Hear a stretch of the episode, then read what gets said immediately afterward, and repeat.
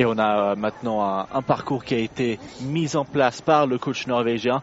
Malgré cela, deux de ces athlètes ne vont pas être présents sur cette deuxième manche. On pense notamment à Brage Ozen Jolberg, qui est tombé sur le, sur le loom en fin, en fin de course et qui, a eu un problème au genou. Il s'est fait emporter à l'hôpital. On lui souhaite euh, une bonne récupération et qu'il n'y ait rien de grave.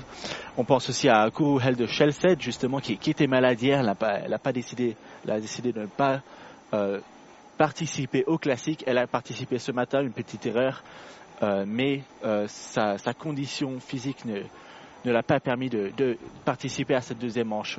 En tout cas, elle dit qu'elle se réserve pour demain et on espère vraiment la voir en grande, grande forme. And the course this afternoon for the second run is set by the Norwegian coach. Here in the start house, we've got images of our women who are lining up with bib number 14. That is uh,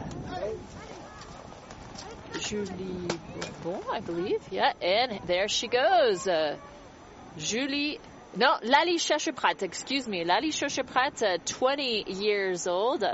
So she had a 20 second difference compared to the fastest skier Amélie Raymond this morning. So it's Lali Shashaprat opening the second run for the women. Et à voir si Lali Shashaprat justement peut entrer dans ce top 10. Ça va être très compliqué pour elle. Elle a 20 secondes de retard sur Amélie Raymond. En tout cas, le saut avait l'air bon, une bonne réception. Elle maintient sa vitesse. Euh, un petit freinage justement pour se stabiliser. En tout cas, pour l'instant, ça a l'air bon pour Lali. And a nice clean jump for Lali Shoshaprat. There, she'd like to improve her technique and the balance to gain speed and precision for her 2019 season. This is her first year on the World Cup. Et oui, euh, fait partie des juniors de l'équipe de France. Elle est ici surtout pour l'expérience. C'est une, euh, une coureuse pour l'avenir. À voir ce qu'elle fait dans le skating. Là, pas, pas beaucoup de poussage justement sur ce virage qui, qui peut être traître. On l'a vu lors de la première manche. En tout cas, là, elle pousse fort. Une, seulement une pénalité, c'est pas mal pour elle. C'est même très bien, je dirais. And Lali comes from an alpine skiing background and is converting to telemarking. There we go. 237.41 for Lali Shoshaprat with just one penalty. Et à l'image, Julie Bourbon, justement, qui, qui s'élance avec le dossard numéro 10. À voir si elle peut faire 17 secondes derrière la leader. En tout cas, elle, elle peut, elle peut vraiment essayer de nous, nous faire une bonne manche ici. Wearing bib number 10, Julie Bourbon. And Pralou is actually Julie's favorite race venue because she does enjoy skiing on home soil. She's representing France. Uh, we do have uh, her sister Camille, who is also skiing in a few bibs later on this afternoon. Et pour l'instant, une manche très, très composée. Là, c'est un, bon contrôle sur les skis. À voir si elle peut maintenir ça et gagner un peu de vitesse. Vous l'avez vu, 4 secondes d'avance. Pour l'instant, c'est pas mal. À voir si elle prend des pénalités ou pas, mais pour l'instant, c'est très propre.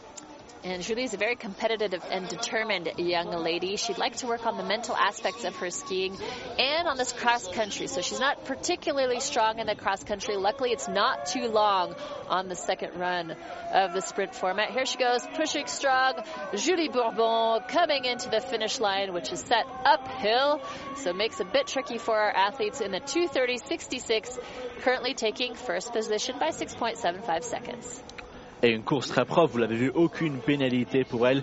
C'est très bon pour le moral. Ça, ça lui inspirera beaucoup de confiance pour le parallèle de demain. Alors que s'élance ici, Iloé Ravanel, vous l'indication justement est, est, fausse au niveau euh, du, display. À voir à Hals. Oh, Iloé, Iloé Ravanel from Chamonix, France, skiing out. Got slipped up up there. Is she going to go back on the course and finish her run? We sure do hope so. Ah, c'est vraiment dommage ça pour Eloé justement. Est-ce qu'elle est va remonter ou pas? Elle a l'air de, de, décider de ne pas le faire, mais peut-être continuer. Euh, l'air très confuse, les, les, juges qui lui indiquent beaucoup de choses à la fois, c'est pas facile. Vous avez justement à l'image coach Julien Hanquin qui, qui soupire un petit peu, mais en tout cas elle va continuer, en tout cas, à voir ce qu'elle peut faire. On, on lui souhaite euh, tout bon. Yeah, she looked a little bit confused there whether she was going to continue or not, but she is. Good for you, Eloy. Eloy is actually a civil engineering student. She wants to be an architect uh, after she finished her, her studies from Chamonix. She has uh, quite a bit of a dancing background as well. Growing up, she took lots of dance classes. And she picks up five penalties so far. One at the gate four for the jump, for not landing the jump or making the line. Definitely, she's probably a bit rattled mentally off of uh, that fall she had in the first couple gates on the GS portion of this second run. Et il me semble qu'elle n'a pas passé cette porte, donc peut-être qu'elle sera disqualifiée. Mais en tout cas, ça c'est de la bonne expérience et c'est un bon entraînement justement de, de, faire ce parcours de Coupe du Monde. Et, et nul doute que, que, ça lui apportera beaucoup d'expérience et, et, un peu de confiance pour la suite. And Idoe Ravanel finishing in a 258.34. Alors que s'élance à l'instant euh, Antonia Kneller d'Allemagne. Antonia Kneller representing Germany. So she had the 11th fastest time after this morning's first run. Oui, 11 secondes justement derrière euh, Amélie Raymond. Elle est à une différence de 3 secondes justement de la, position numéro 10 et de Chloé Blythe, à voir si elle peut rattraper ça et, venir se mettre justement dans ce top 10. Ça, va pas être facile pour elle. And she's definitely one of the youngest girls out on the circuit, 17 years old. Et oui, seulement 17 ans pour euh, la junior euh, allemande. Elle prend une pénalité pour ça, elle va peut-être en prendre sur le saut. Mais pour l'instant, 2 secondes et demie d'avance presque pour l'allemande. And at the split, she is ahead of the three racers that have started before her. She's picked up one penalty for the gate. Might be having a little bit of delay on the jump penalties because I'm not quite sure she made the line, so we'll see that shortly, whether they'll be lit up on our screen or not. And here she comes, Antonia Kneller, finishing with a time of 229.04. Okay, so only one gate penalty. Ah, Alors c'est très bien ça pour elle. Aussi également on voit qu'une autre coureuse n'a pas eu de pénalité sur le saut. C'est bon. Allez maintenant c'est Chloé Blatt qui va s'élancer. Très bonne hier lors du classique. Elle s'en voulait. Elle était vraiment pas satisfaite de sa performance lors de la première manche. Elle partait avec le numéro le dossard numéro 2, pas forcément à son aise.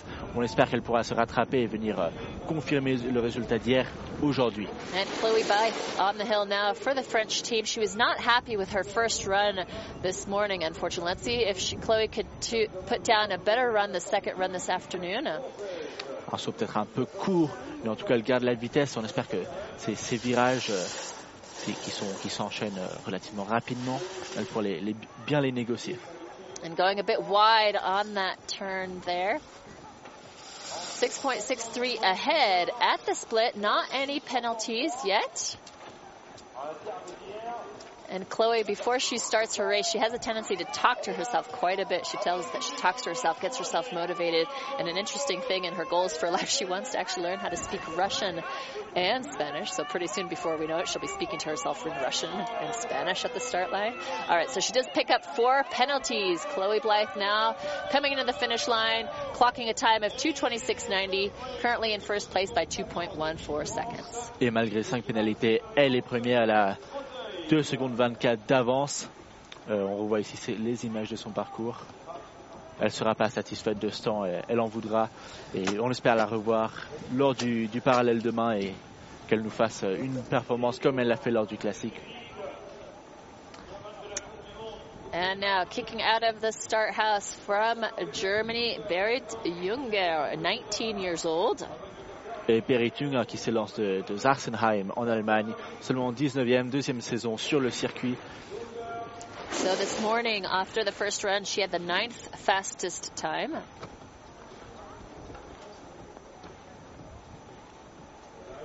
Et elle, elle est, elle est autour du top 10, c'est vraiment très serré, donc ça, tout, tout va se jouer là, elle est aux pénalités également, parce que Chloé Blythe en a pris 5, à voir si elle, peut faire la différence et venir nous faire quelque chose de très propre. Ça, c'était un très bon virage aussi, très serré. And at the split, 3.47 seconds ahead. It didn't look like she made the line, uh, but once again, we're waiting for those confirmations on the bottom right hand corner. Yep, so there you see it, plus three means she did not make the line, but she did land in telemark.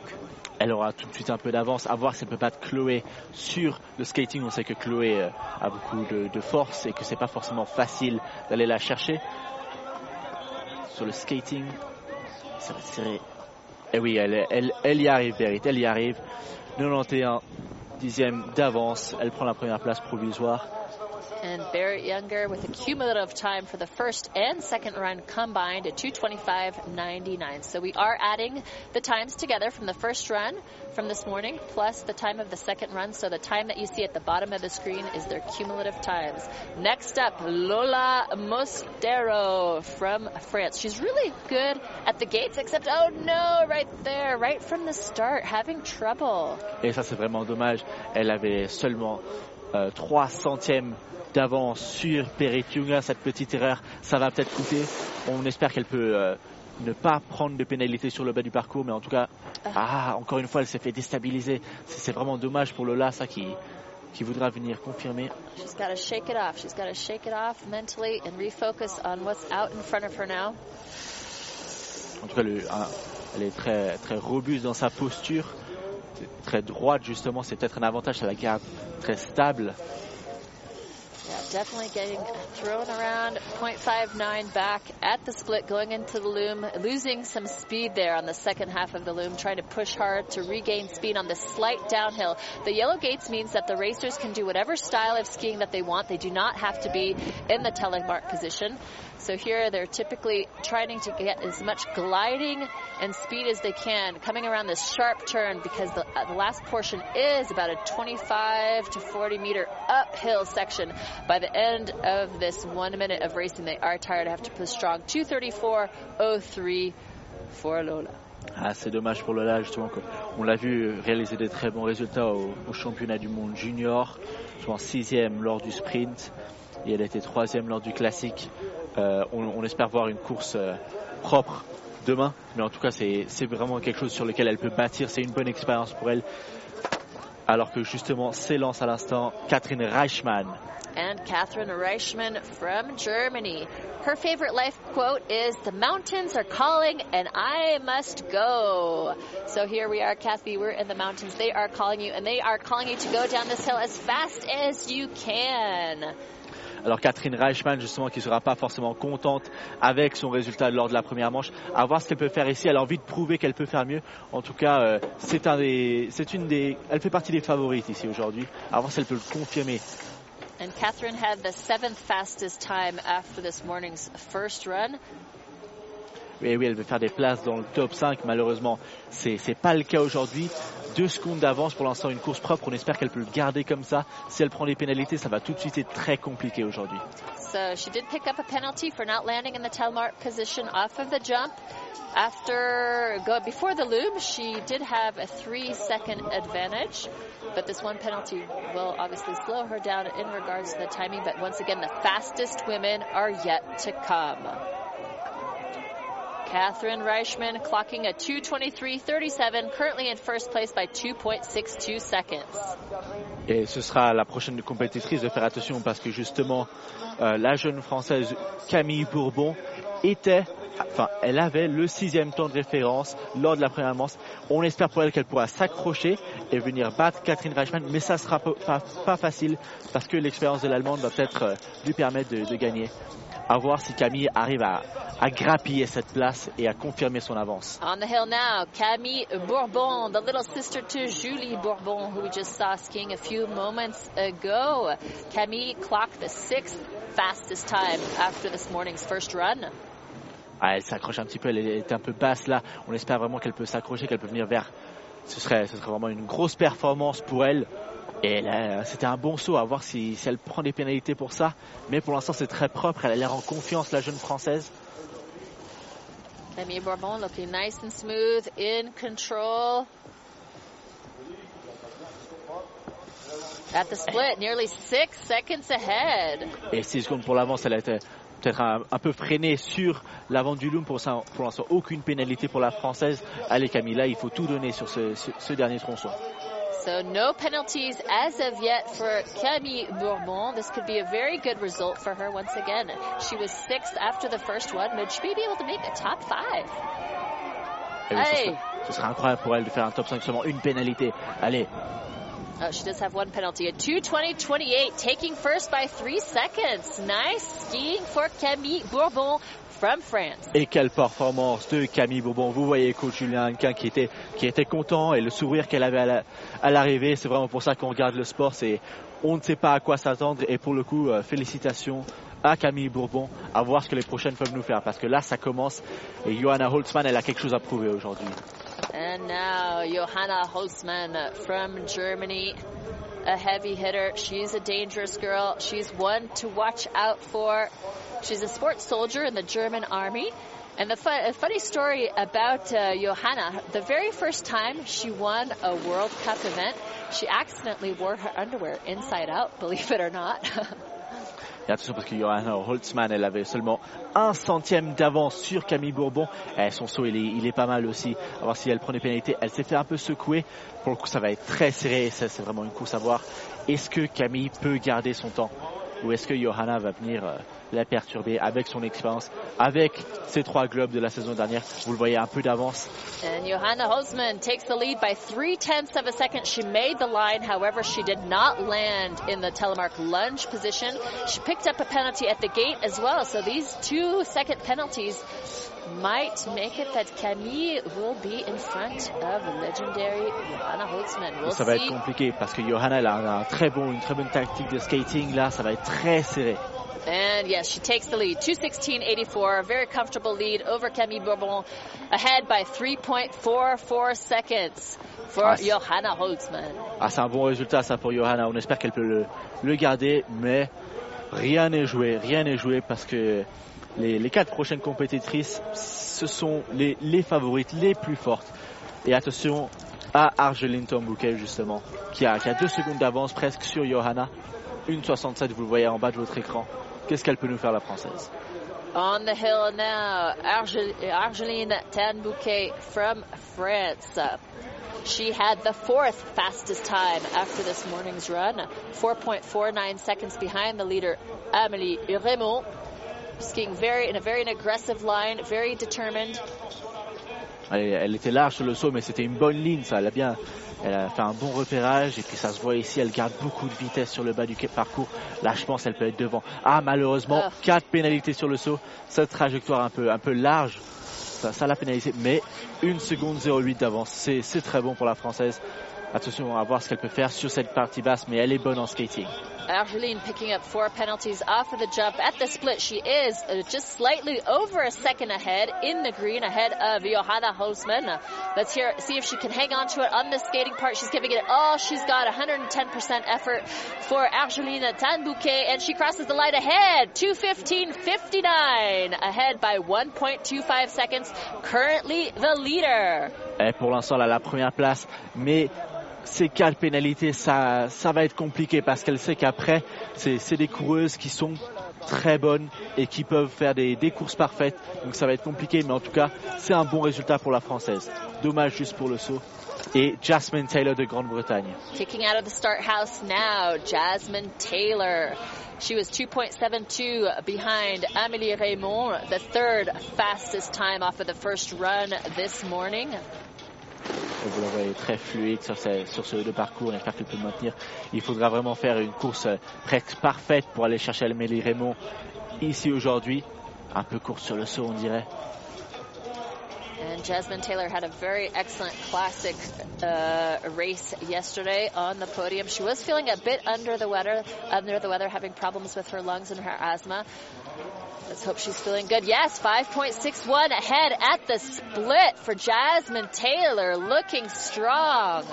Et pour l'instant, à 5 secondes d'avance et il faut vraiment l'accumuler cette avance. Pour l'instant, aucune pénalité. C'est bon, ça aussi. À voir si elle peut à continuer ça sur le skating. Elle est bonne en skating, mais il faudra vraiment augmenter pour essayer de se faire une place devant oh, Amélie Raymond. She does pick up three penalty points for not uh, making the line on the jump, finishing at 213.07, taking the lead by 2.52.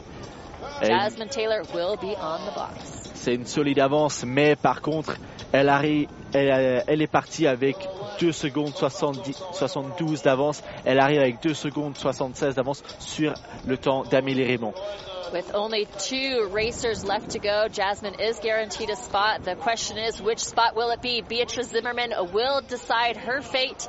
Here she is now, Beatrice Zimmerman from Switzerland.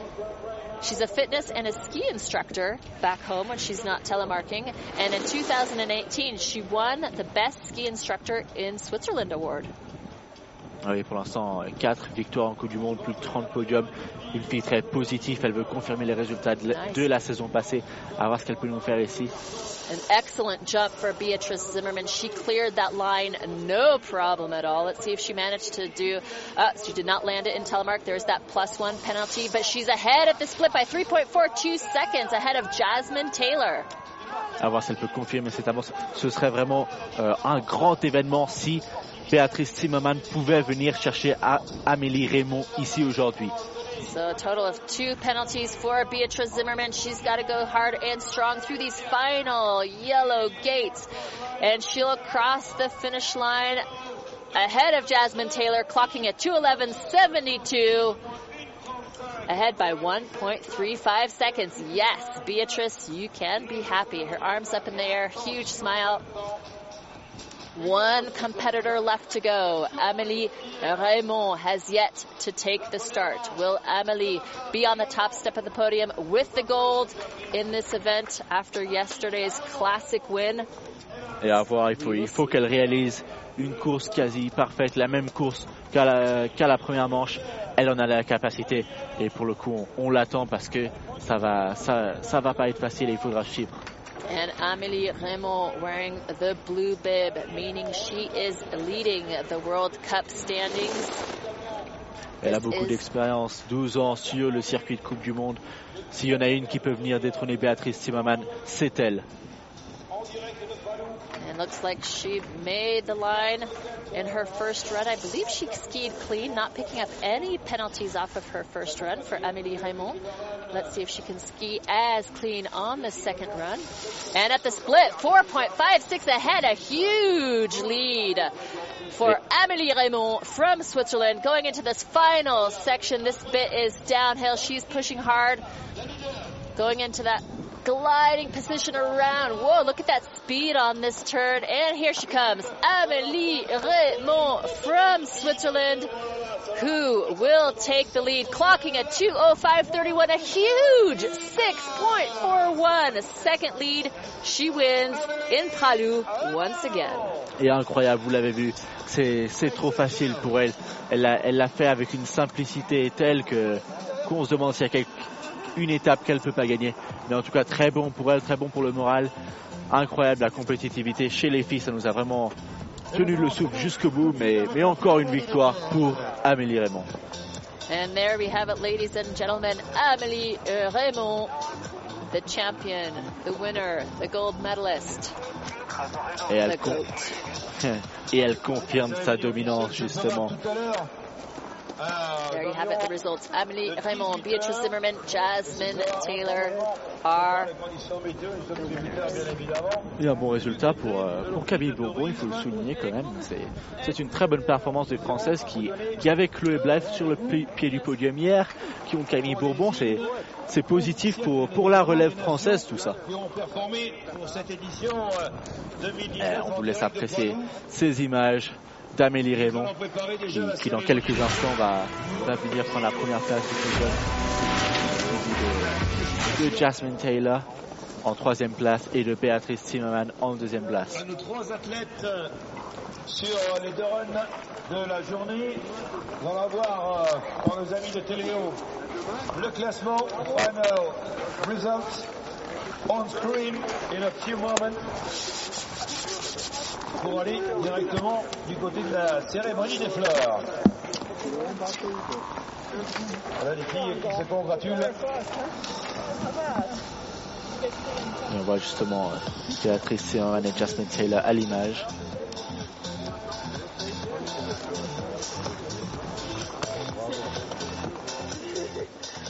see Jasmine Taylor, Beatrice Zimmerman.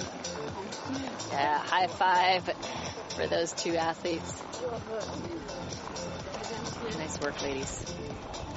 So Switzerland claiming the top two steps of the podium. Amélie Raymond, step number one.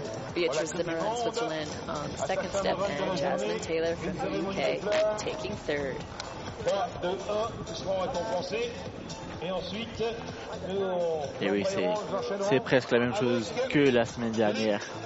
C'est ces trois filles qui, confirment leur dominance, mais, mais pour le coup, c'est il y a beaucoup de filles qui sont pas loin derrière. On pense notamment à, Johanna Holtzmann, à Argeline Tomuka, et c'est des filles qui vont vraiment euh, venir, venir les pousser ces trois-là, et on s'attend à des, compétitions qui deviennent de plus en plus rudes au fur et à mesure de la saison.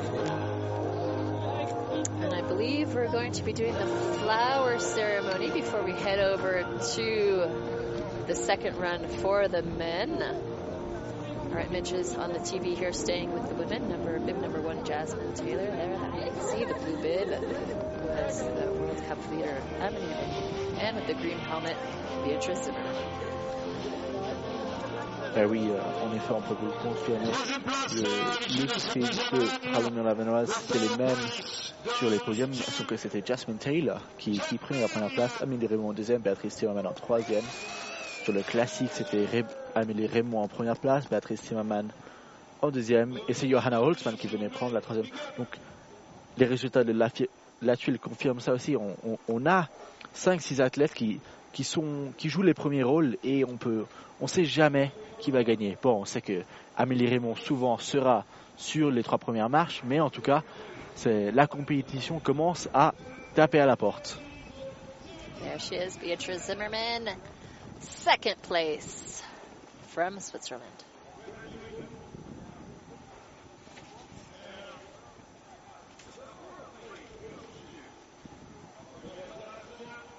Vous le voyez, météo qui est pas quasiment parfaite pour ça. Yeah, the sun comes out for the flower ceremony, not for the actual skiing part. and there she is, Amélie Raymond from Switzerland, winning this sprint by a very large margin, 6.41 seconds ahead of the second place woman. C'est impressionnant l'avance qu'elle a, la dominance qu'elle exerce sur ce sport, Amélie Raymond.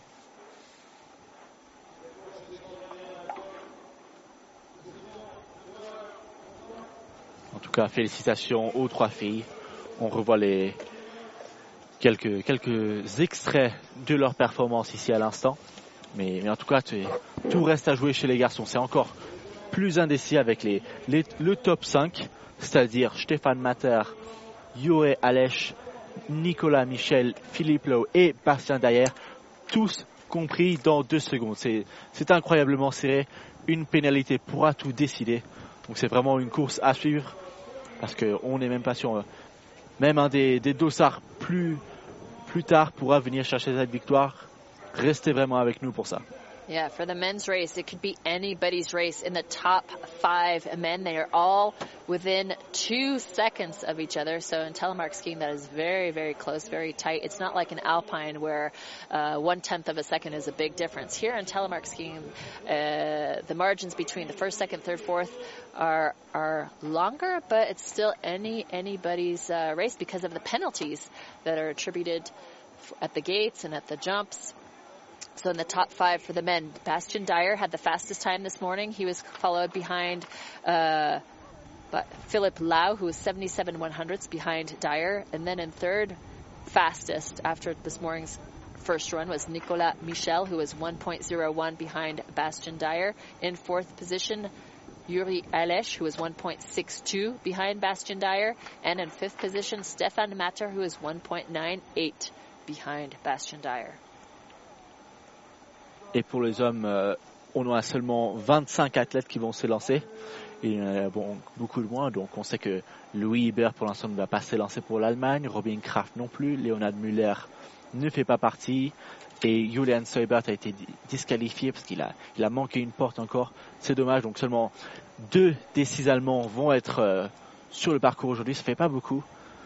En tout cas, et du côté de la Norvège également, Second run, first and second run today, and weather conditions a little bit different and difficult today. But what a funny first and second run, and you are the first place. Congratulations. Well, I would like to have your impression about this day, this incredible day for you. Yeah, it was really nice day. The first one was not so easy, but on the second one I had really fun on the race, and uh, yeah, I'm really happy to to win and to, to show a good skiing in the second round. Thank you very much and congratulations one more time.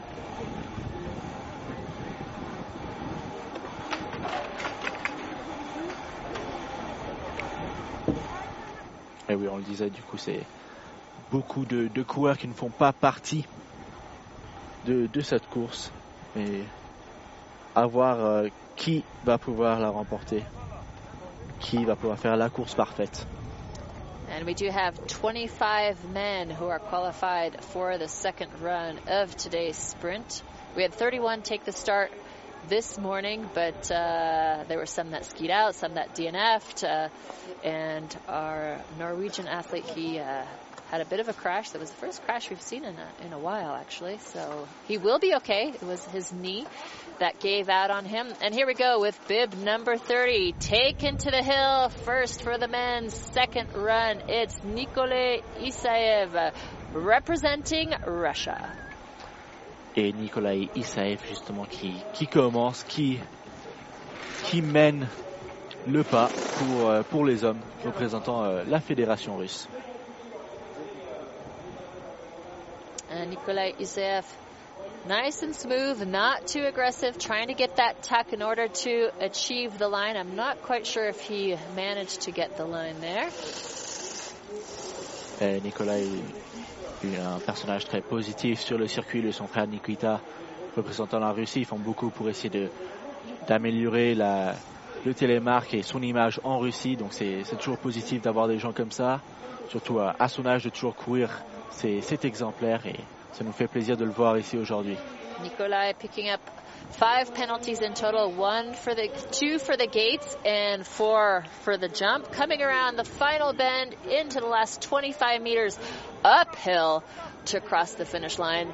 Nikolai Isayev finishing in a cumulative time of 234.25. So these are the two runs put together for the time that you see at the bottom of the screen. Alors que s'élance justement Arnaud Avocagro Là aussi 5 secondes d'avance sur euh, Nikolai Isaev. Qu'est-ce qu'il peut venir nous faire le français? Est-ce qu'il peut venir jouer les top 20 Arnaud Avocagro finishing with the 24th fastest time after this morning's first run. Ah, c'est un bon son pour le jeune français, peut-être un peu limite. En tout cas, l'atterrissage n'y était pas. Mais, peut-être qu'il prend moins de pénalités sur le saut. À voir ce qu'il nous fait ici. Il a pas mal de vitesse. Oh. Et il s'est fait surprendre. Il, part très grand, très large sur ce virage. J'espère qu'il puisse récupérer, garder un peu de vitesse. Je que 14 secondes d'avance nous, nous, indique le compteur. At the split, he's 14 and a half seconds ahead of Nikolai. He did pick up one penalty for not landing telemark off the jump. 14 secondes, ça, ça semble beaucoup, c'est à confirmer justement. Parfois, il y a un peu des erreurs au niveau du temps intermédiaire à cause de la météo, à cause de la neige justement qui, qui passe et qui fait partir les senseurs. À voir si, si c'est confirmé ici. And eh uh, Arnaud finishing in a 221.85. Eh oui, 12 secondes d'avance pour Arnaud, c'est un temps bon. Mais attention, parce que Amund Mosterhagen, il a envie de se prouver. Il a fait quelques erreurs lors de son premier passage. C'est un des, grands noms qu'il parte si tôt dans cette manche, c'est vraiment inhabituel. En tout cas, c'est ici qu'on veut un temps de référence de la part d'Amund. On espère qu'il fait une course sans erreur. Yeah, Amund Moster Hogan making a few mistakes there. His first run as well, quite a few mistakes. We're not used to seeing him uh, so far back. A very nice jump uh, for Hogan there. Et oui, Hogan qui, qui aime jouer les, les top 15, voire top 10. En tout cas, c'est un habitué. Euh, c'est un très bon saut qu'il nous réalise ici. Quelques imprécisions, vous voyez 4 secondes d'avance, presque 5, c'est pas énorme, mais pour l'instant, aucune pénalité au compteur pour lui. At the split, nearly a 5 second difference. We see he's trying to push hard there. Ah oui, très bon sur le skating. Comme la plupart des Norvégiens, c'est presque une deuxième nature pour eux. Ils, ils grandissent avec ça et, et il vient nous le prouver ici à Monde. And Hogan finishing with a time of 2.13.14, a good, healthy 8.71 second lead. il est vraiment pas content. Quelques erreurs sur le haut. Et il, s'en veut à Moon, mais c'est pas un mauvais temps. En tout cas, on, on espère le revoir demain. On sait qu'il aura soif de victoire et soif de vengeance. Maximilian Huber. Maximilian Huber. Uh, from Germany now, the 22nd fastest time after this morning's first run. Oui, Maximilian Hubert, il, va en falloir pour, euh, pour venir chercher Amund Mosterhagen aujourd'hui. Ça va pas être facile pour ces dossards. En tout cas, un saut qui avait peut-être un peu court. En tout cas, à voir, il a pas mal de vitesse. Qu'est-ce qu'il peut nous faire ici, Max? And just a little side note, Maximilian, he's studying tax law. He's going to be an assistant tax consultant uh, once he finishes his studies. At the split, 1.53 behind, picking up four penalties from the jump. À voir, c'est vraiment ici qu'il a fait la différence, Amon Monsterhagen.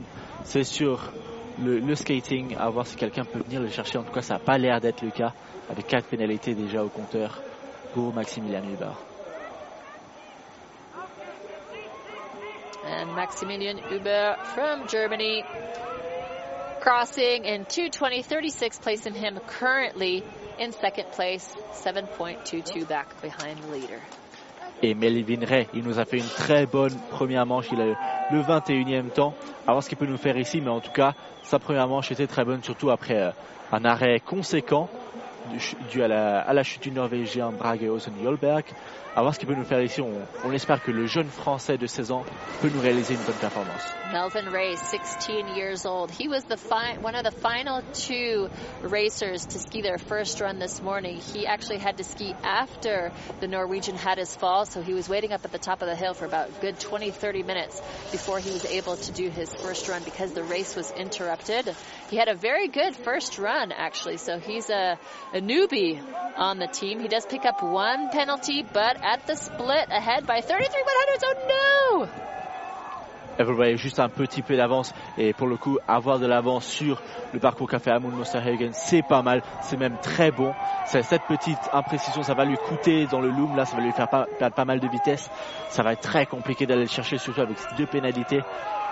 À voir, à voir, allez, And Melvin Ray pushing as hard as he possibly can to finish in a 217.57, second position so far, 4.43 back. en tout cas, c'est une bonne course pour le jeune français. C'est un bon temps de référence, alors que justement, le jeu, un jeune Suisse s'élance maintenant. C'est Valentin Roduit. Valentin Roduit on the hill now from Switzerland. Seulement 19 ans pour le jeune Suisse. Il nous a fait des résultats qui, qui était, qui était bon pour son âge, pour un junior comme lui. En tout cas, on espère qu'il pourra continuer, qu'il pourra confirmer. Et euh, on s'attend à, à, à, entendre son nom dans, dans les années qui viennent. And after this morning's first run, he clocked the 20th fastest time.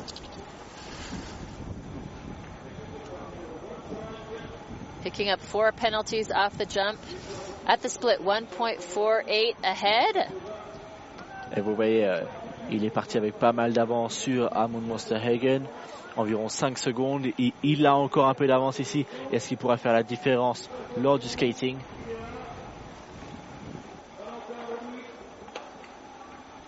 And Valentin with bib number 25, part of the very successful Swiss team. Here he comes, 215.10. The future of Swiss Telemark right there with Valentin Rodri. Et ça vous montre la performance qu'a fait Aaron Mosterhagen, même avec son retard, alors que Ben Hemsley s'élance ici. Ben Hemsley now on the hill for Team Great Britain. Et, et ça, ça, ça, tient pas beaucoup, il faudra, il faudra faire un peu plus euh, d'entraînement sur les jambes parce que là, c'est, ça, ça souffre, ça souffre. Allez Ben. And Ben is at the Loughborough University studying sport technology. Uh, he'd really like to make telemark a more recognized sport for future generations, but he's very proud to be representing his country when he's uh, racing on the World Cup circuit. At the split, 3.9 seconds ahead, picking up one penalty off the jump for not landing telemark. Et oui, c'est un amateur de, de mode. Vous verrez sur Instagram euh, beaucoup de, de photos de lui avec des, des habits très, très cool, très, très, très modernes. En tout cas, c'est vraiment euh, un, un, un, modèle, on pourrait dire. Euh, il, il aime ça, il aime s'exposer. And here comes Ben with a time of 2.14.82, 1.68 behind, currently in second place. Ah, pas mal ça pour Ben, en tout cas une performance qui, qui le permettra de confirmer. On l'attendra demain. En tout cas, le, le seul Britannique à s'élancer ici aujourd'hui, du côté des hommes en tout cas. Maxime Mossek qui s'élance maintenant, encore un jeune Suisse, beaucoup de potentiel pour lui aussi. Est-ce qu'il peut confirmer ici? Maxime Mosse, Switzerland, 18th fastest time after this morning's first run. En tout cas, il, a, il, a, il, est, il est seulement 6 centièmes de l'américain Corey Snyder, une place devant lui. Euh, il peut aller le chercher à voir s'il peut décrocher euh, un top 15. 20 years old, Maxime Mosse looking for that top 15 finish on a World Cup race. At the split, 4.8 ahead.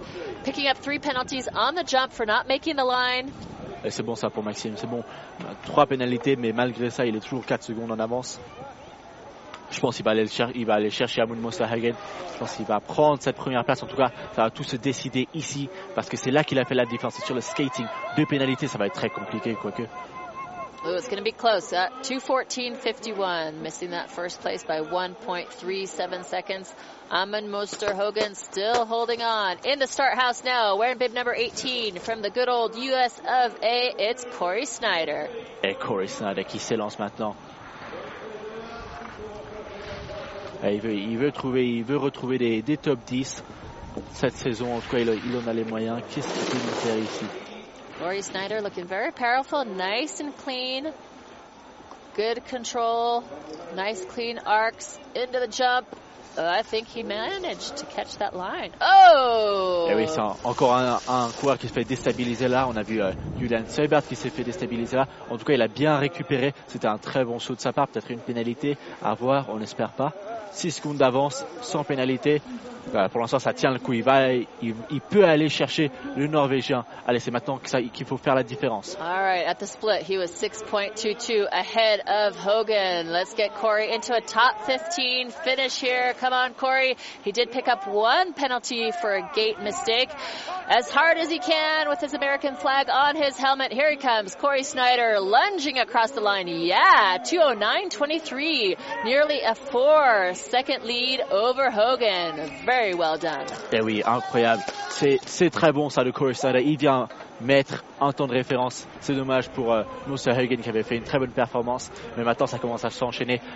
Les choses sérieuses commencent vraiment. Attention, à Elie Nabo. Elie Nabo from France now. He clocked the 16th fastest time this morning. Oh, a little bit of trouble there. Lunging a bit too far forward, regaining his composure, going into the jump. Aïe, aïe, aïe, aïe, aïe. Not very smooth landing there for Elie. Allez, Elie. Il a la médaille d'argent au championnat du monde junior lors du sprint, ce qui peut confirmer ici, ce qui peut aller battre Corey pour l'instant 2 secondes et demie, plus de 3, presque 3 secondes d'avance, mais aucune pénalité enregistrée. Est-ce que ça va s'additionner? At the split, Ellie Nabu nearly 3 seconds ahead of Corey Snyder. For the moment, no penalties on our screen. We'll see if that holds true all the way through. Sometimes we get delayed information here. But Ellie Nabu coming across the finish line with a 2.06.81, taking the lead. Nice run for Ellie Nabu. est très propre cette course du français. Euh, il a l'air de s'en vouloir un petit peu. En tout cas, cette avance, c'est bon. Oui, effectivement, presque 3 secondes. En tout cas, c'est pas mal pour le français. Est-ce que ça va rester? Ça va être compliqué parce que c'est il y a beaucoup de, de, grands, de grands personnages qui vont s'enchaîner, notamment Mati Lopez avec le dossard numéro 14. Matty Lopez, here he is. Is he going to do some damage? He definitely can too. He's consistently in the top 10 when he races. He had the 15th fastest time off of this morning's run. Let's go for it, Matty. Allez. Et Mathieu Lopez à votre écran, là aussi, lui, il peut, il peut faire des très bons résultats. À voir s'il peut le faire ici. En tout cas, il est, Lui, il a envie de faire le podium cette saison. Il a des résultats dans le top 10. Il a les moyens. Par contre, le podium, c'est, ça va être difficile. En tout cas, c'est vraiment quelque chose qu'il faut aller chercher. Très bon saut là aussi. Yeah, nice tuck position, getting that line. Trying to keep the penalties as low as possible. He did pick one up at the gate, however, so it's a plus one for Maddie at the split, eight tenths behind. Et seulement 8 dixièmes en arrière, ça, ça se joue ça. Il faut aller chercher euh, son camarade euh, sur le skating. En tout cas, ça va pas être facile parce qu'Eli Navo c'est un bon skater, mais avec sa carrière, avec sa force, euh, c'est, il en a les capacités. Allez, allez Mati. And Matty Lopez, yes, taking the lead by 1.18 ahead of fellow teammate Eli Nabo, finishing in a 205.83. Matty Lopez, our current leader.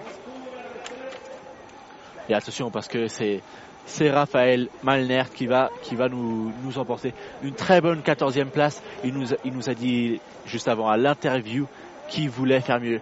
Si possible, en tout cas, c'est très bien, c'est très bon qu'il commence à s'imposer comme ça parce que seulement, seulement 17 ans pour lui aussi. Très jeune, mais beaucoup, beaucoup de potentiel. From Italy, very young racer, 17 years old. He's out there for the experience. We were lucky to have him in the booth with us earlier during the race interruption of the first run this morning. Very nice, smiley young man. C'est pas mal ça, il a peut-être perdu un peu de vitesse là-dessus. Il faut faire attention, il se fait une petite frayeur. En tout il faut continuer. Là, c'est des cours bien tendus. Five penalties for Rafael, unfortunately. Four off the jump, one on the gate. 6.37 behind at the split. The second run, unfortunately, is not as strong as the first run he had this morning. Et il a freiné un peu à l'entrée du loom. Là aussi, il a pris des pénalités. C'est à ça qu'il faut penser. Les pénalités, ça va vraiment s'enchaîner. C'est ça qui, qui va peser sur le temps. Mathieu Lopez, on avait seulement une ou, ou aucune, si je me souviens bien. Et, mais en tout cas, voilà, vous, vous voyez, c'est dommage pour lui. Raphaël 213-47, fifth place. Ah, il est content avec ça quand même. Il, ah, il est content. Une très bonne première manche, c'est pas mauvais pour lui. Et on espère qu'il qu pourra utiliser ça pour, pour aller de l'avant dans les étapes qui vont suivre. Here we go, wearing bib number 16, tapping those poles together, getting psyched up, wearing bib 16, it's Gaëtan Procureur from Switzerland. Il n'a pas beaucoup d'avance sur Mathieu Lopez. En tout cas, il faudra, il faudra faire tout son mieux pour faire une course parfaite ici. Aucune pénalité, on l'espère pour Gaëtan. 23 years old, and he had the 13th fastest time after this morning's first run. Coming up short on the line. The men's line is the one that is further down the hill. You can see those uh, jump lines are different for the men and the women, being further away for the men. So Gaetan did not reach the line on his jump, as you can see from the bottom of the screen, plus three in regards to penalties. And at the split, he's behind by 2.54. Et vous voyez ces pénalités. Sans cette pénalité dessous, il, est devant Gaëtan. Par contre, ça, ça, ça s'enchaîne vite et ça met en, en valeur la course qu'a justement fait Mathieu Lopez. Ça va être dur à aller chercher justement ce résultat. Il va, il quand même quatrième Gaëtan. C'est bon ça pour lui. J'espère qu'il pourra, qu'il pourra faire mieux. Bah, shaking his head, not very happy with that run. Fourth overall so far in a 210.43 for Gaëtan Procureur from Switzerland. Matty Lopez in the hot seat at the leaderboard. Alors que va s'élancer Christophe Frank, le jeune allemand, un des plus petits gabarits justement. On ne voit pas forcément quand il skie, mais en tout cas il a, il a beaucoup de puissance, il a un centre de gravité qui est plus bas, donc très rapide. On va voir ce qu'il peut nous faire l'allemand, seulement 20 ans pour lui aussi. Christoph Frank, 20 years old, 12th fastest time after this morning's first run. This is his second year competing on the World Cup circuit. Try to tuck those knees. He did not reach the line, unfortunately, so he'll get three penalties for that. Et les deux personnes devant lui sont à seulement 4 dixièmes. Donc ce serait bon qu'il qu aille les chercher, qu'il aille percer dans ce top 10. Ça va pas être facile, cas, il faut qu'il fasse une bonne course. Malheureusement, ces quatre pénalités, ça va, ça va peser, ça va s'enchaîner. Faut qu'il fasse un bon skating ici. Quoi. Christophe Frank, nearly four seconds behind at the split, plus the four penalties off of the jump.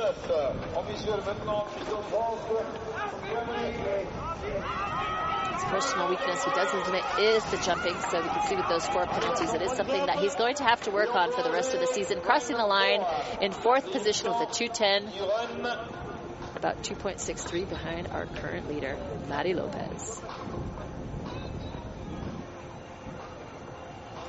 Matty Lopez à l'image justement.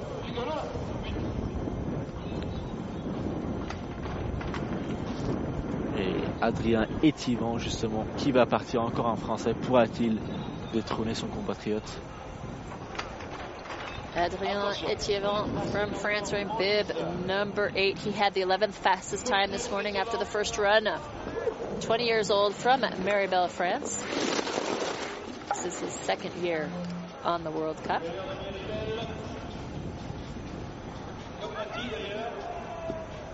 Trying to get that tuck. Oh no, and he slid out on the landing. il va continuer, il va continuer Adrien. Il s'est mis en bonne position oh, pour reprendre. En tout cas, c'est dommage cette petite chute sur l'atterrissage du saut.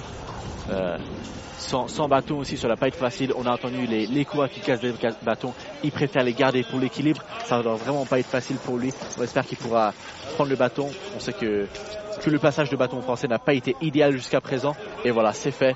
Il va pouvoir continuer. All right, so Adrian, the French coast, uh, uh, Julien, the French coast, was able to get the pole to Adrian, which was great because this morning the passing of the poles was a bit tricky for the coaches and the racers, but that was a good pass. All right, Adrien Etievant finishing in a 2:30. Ew, the clock didn't stop. et le timing qui se poursuit pour l'instant. En tout cas, il a l'air d'avoir fait un bon résultat malgré ce saut. On revoit ici, il a essayé justement peut-être à mis un peu trop de pression lorsqu'il est atterri en télémarque. Ça, n'a pas marché pour lui. S'est fait un peu emporter sur l'arrière, mais il a su continuer. Et, ça, ça, va payer. Ça va être pas mal pour lui. Dommage pour le jeune français, mais beaucoup de potentiel chez ce jeune homme.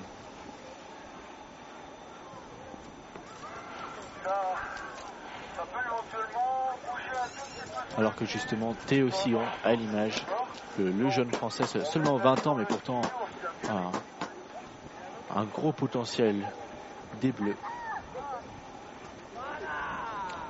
So uh, we should have Christian Novik Jelstad, who is on the hill next. There he is from Norway, wearing bib number 15. Et Christian Lauvik Jelstad, justement, à l'écran.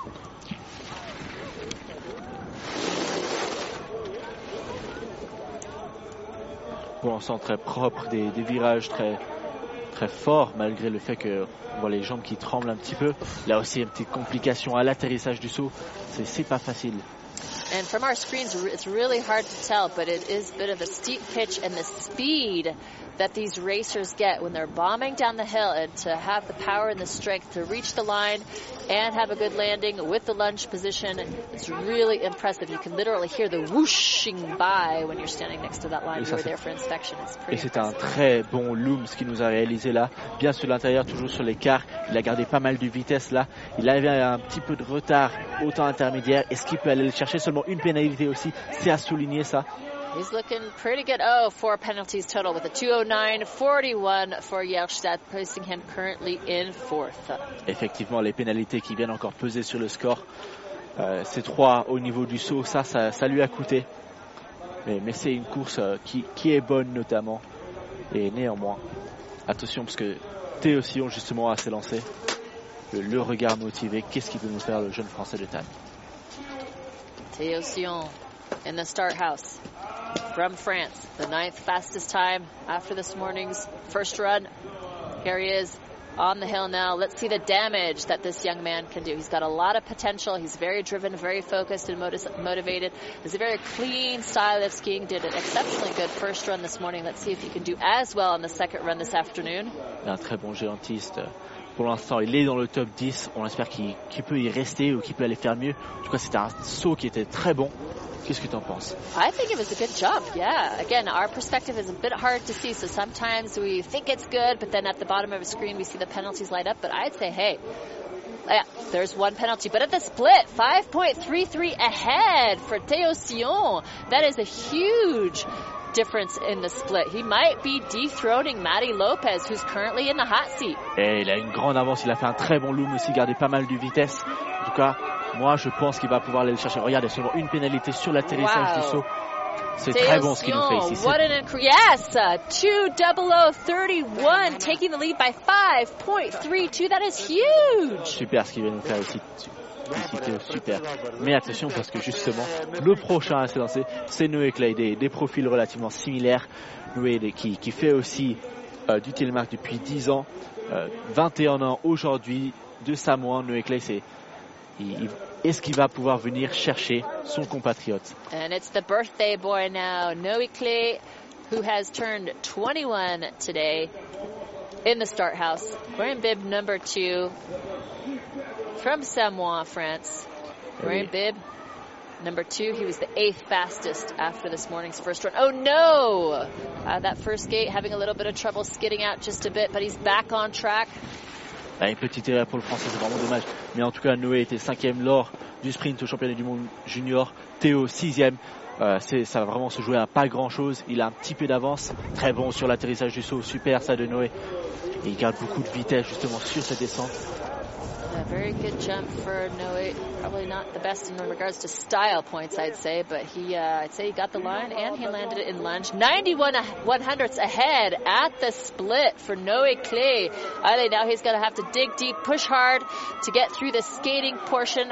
Once again, this part goes down. They're trying to get as much glide, as much power as they can for the final push uphill. This turn, nice and tight, trying not to go into the netting there. Allez, Noe. Ah, c'est un garçon très physique. Je pense qu'il va pouvoir aller chercher, mais ça va être très très serré là.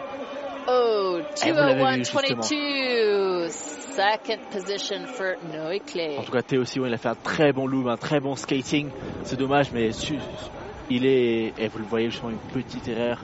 C'est dommage, c'est peut-être ça qui lui a coûté la course aujourd'hui, mais en tout cas, euh, vraiment, euh, c'est un athlète qu'il qui faudra suivre.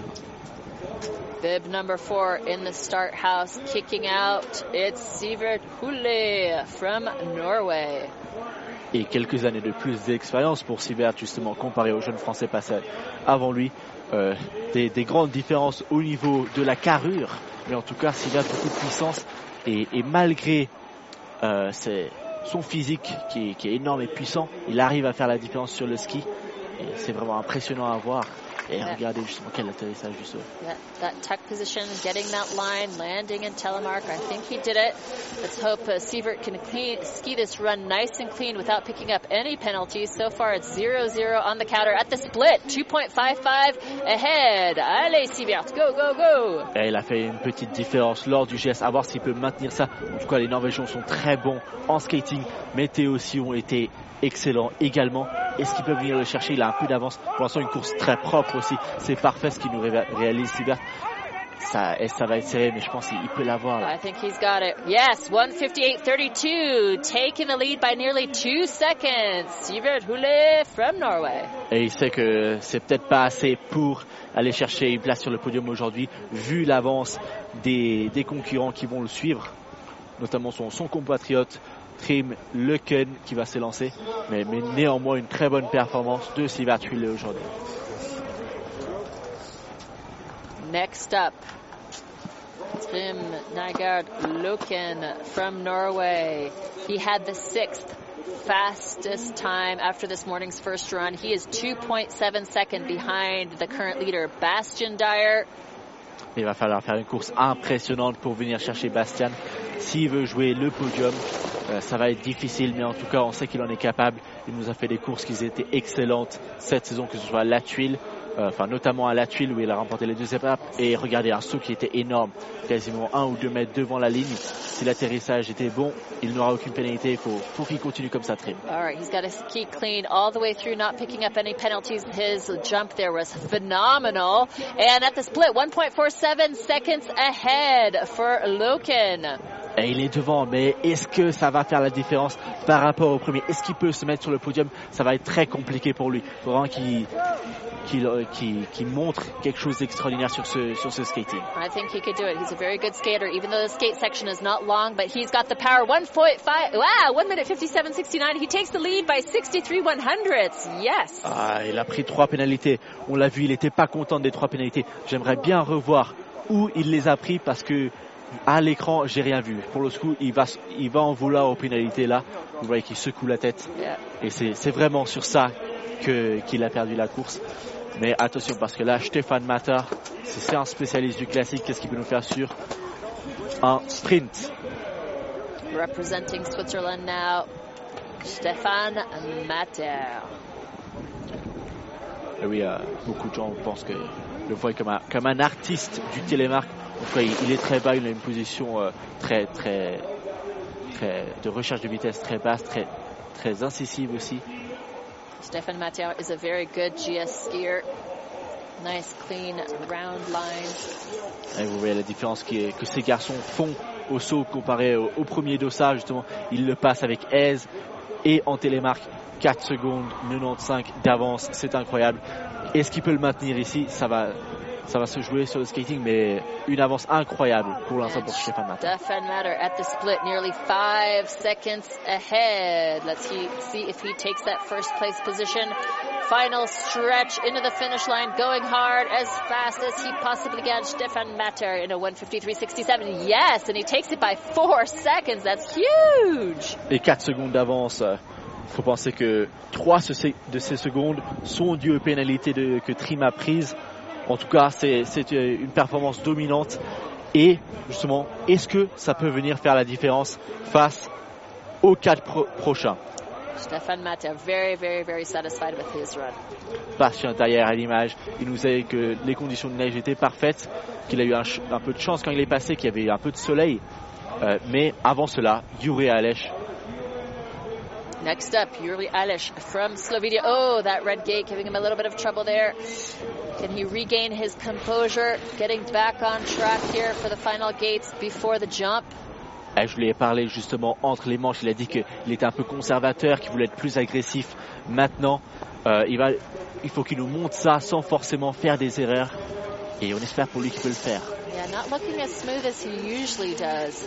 on his skiing, picking up two penalties on the gates already.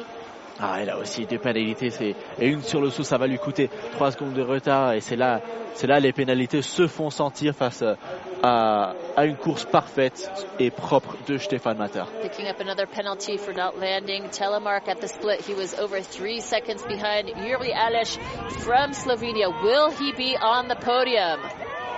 C'est dommage. It's going to be a tough call. No, 158.54. Yuri Alish uh, currently in fourth. Podium il for sait, Yuri il today. le sait. Il, il, se tape la tête justement cette petite erreur que vous avez vue à l'image, ainsi que les, les pénalités. C'est ça qui lui, qui lui coûte aujourd'hui. Il a essayé d'être agressif, ça n'a pas forcément marché en sa faveur, mais on espère le revoir demain euh, de plus belle. Alors que là aussi, un gros, un gros contendeur pour la victoire, c'est Nicolas Michel. All right, watch out everybody. It's Nicolas Michel. He is fighting out there today from the Swiss team, wanting to be on that podium. He definitely has it in him. Let's see if he can run a clean second run here this afternoon. Ouais, ça va être intéressant de voir ces, ces trois Suisses qui se bataillent le podium. Euh, est-ce qu'ils vont y arriver Est-ce que justement Philippe là va, pouvoir venir créer la surprise et les surprendre? En tout cas, très bon saut. Freiner un petit peu à l'atterrissage. Est-ce qu'il peut continuer? Pour l'instant, ça a l'air très rapide, très fluide de la part de Nicolas Michel. Nicolas Michel looking very, very fast out there on the GS portion of the race. Yes, and he's ahead by 52 one hundredths of a second at the split going into the loom.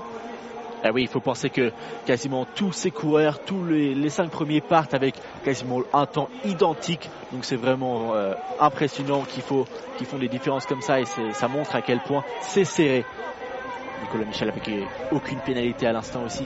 Oh, that's close. Oh no, 153.89, back by 22 one hundredths, currently in second position. Et le gagnant du classement général l'année dernière prend la deuxième position provisoire mais attention parce que c'est le français Philippe Lau qui va s'élancer. Ça ne va pas être facile, mais on sait que s'il y a quelqu'un qui a l'expérience et les capacités d'aller chercher cette première place, c'est lui. And in the start house now, Philippe Lau from France. He won this event in Pralognon-Lavanoise a few days ago. Let's see if he could pull it out of his hat again this weekend in Pralou. En tout cas, il, est bon sur le GS. Il est bon lorsqu'il s'agit de faire du skating dans des petites sections. Euh, il fait justement du hockey sur glace pour, pour s'entraîner au skating ou juste pour, pour faire du sport. Et, ça, ça paye vraiment. On a vu un très bon atterrissage. C'était très propre. Ça, il a certainement gardé la vitesse un peu large là aussi. Ah, on espère que ça change, que ça, qu'il fasse pas trop d'erreurs sur le bas. Mais pour l'instant, ça, il garde la vitesse.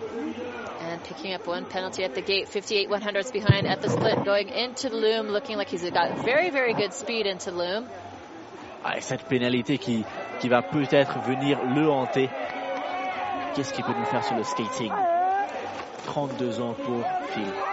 All right, Philip. Yifu, come on, come on, come on. No, no, no, no, no. 154.73. Currently in third place. So whether he's going to be on the podium or not will depend upon what Bastien Dyer throws down next. Et de pénalités, il, il, aurait eu la première place sans ça. En tout cas, mais regardez ce saut, ça c'est vraiment exemplaire ce qu'il nous fait. Ça, ça va être serré, ça va être serré. Bastien Dyer que vous avez à l'image, il va devoir réaliser une bonne course et pour aller chercher cette première place. Here we go now with Bastian Dyer, the fastest time after this morning's uh, first run. He had a 77 100th lead over Philip Lau after the first run. Will he be able to hang on to that and be on the top step of the podium? Bastian Dyer. Cinquième à la tuile. Deuxième après l'Union Lavanoise. On espère qu'il peut prendre la première place aujourd'hui. Il en a les moyens. Il a déjà un temps. Il faut, faut, juste qu'il fasse une course sans pénalité et parfaite. Ah, a little bit of trouble there. Bastian Dyer they did clear the line off of the jump at the split. 1.33 ahead, picking up only one penalty point off of the jump.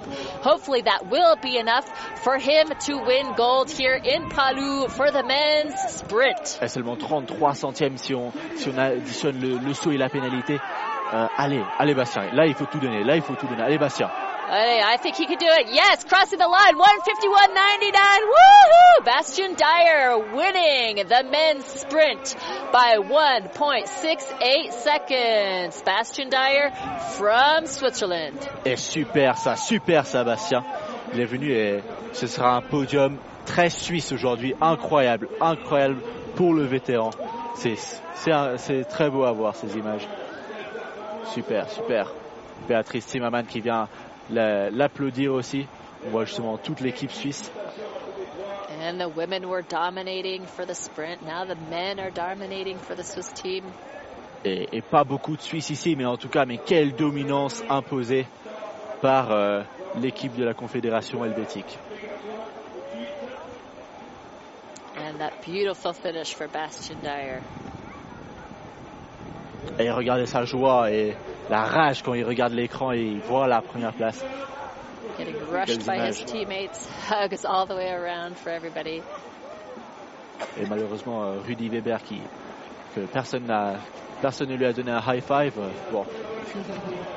And there you have it, Bastian Dyer, Stefan Matter, and Nicolas Michel. It is a Swiss sweep for the men. Et les Suisses qui vont repartir d'ici avec 5 médailles. 5 médailles, c'est incroyable. Quelle performance, quelle performance.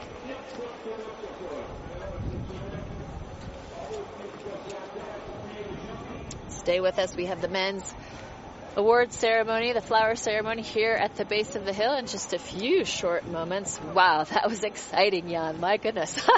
Et eh oui, quelle course, quelle course. Jusqu'à la fin, on a eu du suspense. Les cinq derniers, c'était vraiment fort. C'était très serré. Mais, mais quelle course. On espère qu'à la maison, vous avez, vous avez vibré comme nous. So once again, the podium, it's Switzerland first, Switzerland second, Switzerland third.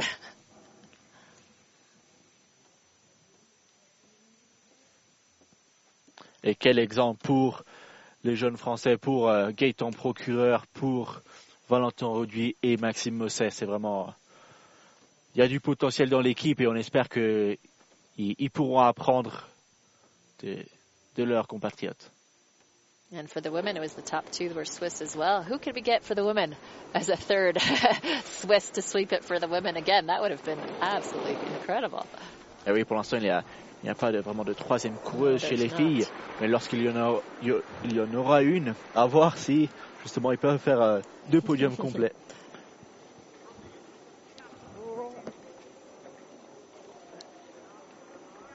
Et oui, seulement deux filles, seulement deux Suisses chez les filles et pourtant les deux avec des médailles. Yeah, two uh, Swiss women on the on the World Cup team here competing in Palu, and those two women were the top two of today's sprint event. Congratulations, ladies. Et néanmoins, il faut, il faut souligner une bonne performance française, que ce soit avec les jeunes comme Théo Sion et Noé Clay, que avec, ou avec euh, Phil Lau, justement autant Argeline Tambouka aussi. Ce sont des, des résultats qui, sont, qui sont très bons également. Et, justement, ça, montre à quel point c'est compétitif et c'est serré. Et rien n'est fait justement pour, le, pour la suite de sa saison avec ces jeunes Français qui, qui sont justement juste derrière les, les favoris principaux.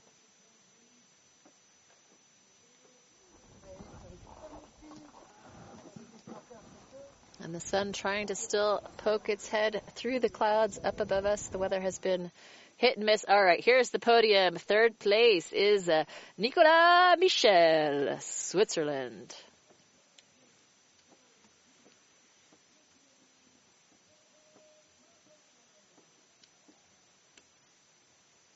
Ouais, Stéphane Matter prend la deuxième place. Second place, Stefan Matter, Switzerland.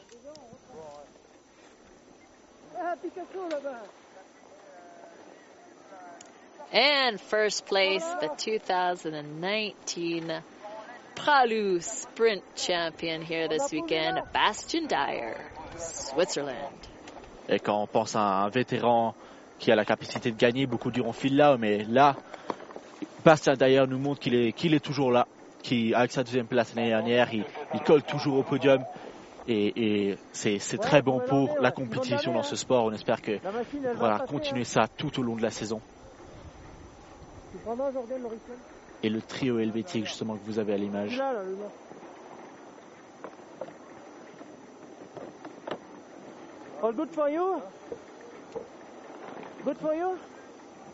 En tout cas, merci d'être resté avec nous. On va vous laisser sur ces images ralenties de Bastien d'ailleurs justement au départ. Euh, quelle, performance de lui. Mais, mais merci encore d'avoir suivi cette course avec nous. On, on se retrouve demain lors du sprint parallèle. Thanks for joining us, ladies and gentlemen. It's been a pleasure working alongside with Jan, commentating today's sprint action here in Palu, France. We'll be back tomorrow for the parallel sprint. Join us. Keep up to tabs on the start time for the Fizz Telemark Instagram. Currently, it is scheduled for 11:30 tomorrow morning, but things can change. We'll be at the team captains meeting this evening where they will finalize the start time. So check back to Fizz Telemark Instagram for the exact time. Thanks again. See you tomorrow. Un deuxième run extraordinaire avec euh, un final qui ne l'est pas moins, un podium 100% suisse. Bravo, félicitations, tes impressions juste après ce run. Oh, des émotions euh, incroyables. Ça fait déjà quelques années qu'on tourne pour avoir euh, plutôt un classique, on aurait pensé, mais un petit trio suisse. Là, de l'avoir aujourd'hui 100% par surprise, c'est juste indescriptible. Et du côté des filles aussi ah, du côté des filles aussi, ça c'est sûr. C'est clair qu'on n'a pas vraiment regardé leur course. C'est comme là, la deuxième manche, on a carrément éteint la radio, on voulait rien écouter des coachs. On s'est dit, on va dans notre run. On savait que ça allait, ça allait envoyer dur de tout le monde. Donc, euh, ouais, ça fait plaisir de toujours voir vert quand on passe la ligne d'arrivée. Ouais. Absolument, et de fort belle manière d'ailleurs. Encore une fois, bravo et félicitations. Merci beaucoup, merci à tout le monde, merci aux bénévoles qui ont fait un magnifique travail. Les 20 cm ce matin, ça a dû être du sacré travail. Ouais. Merci.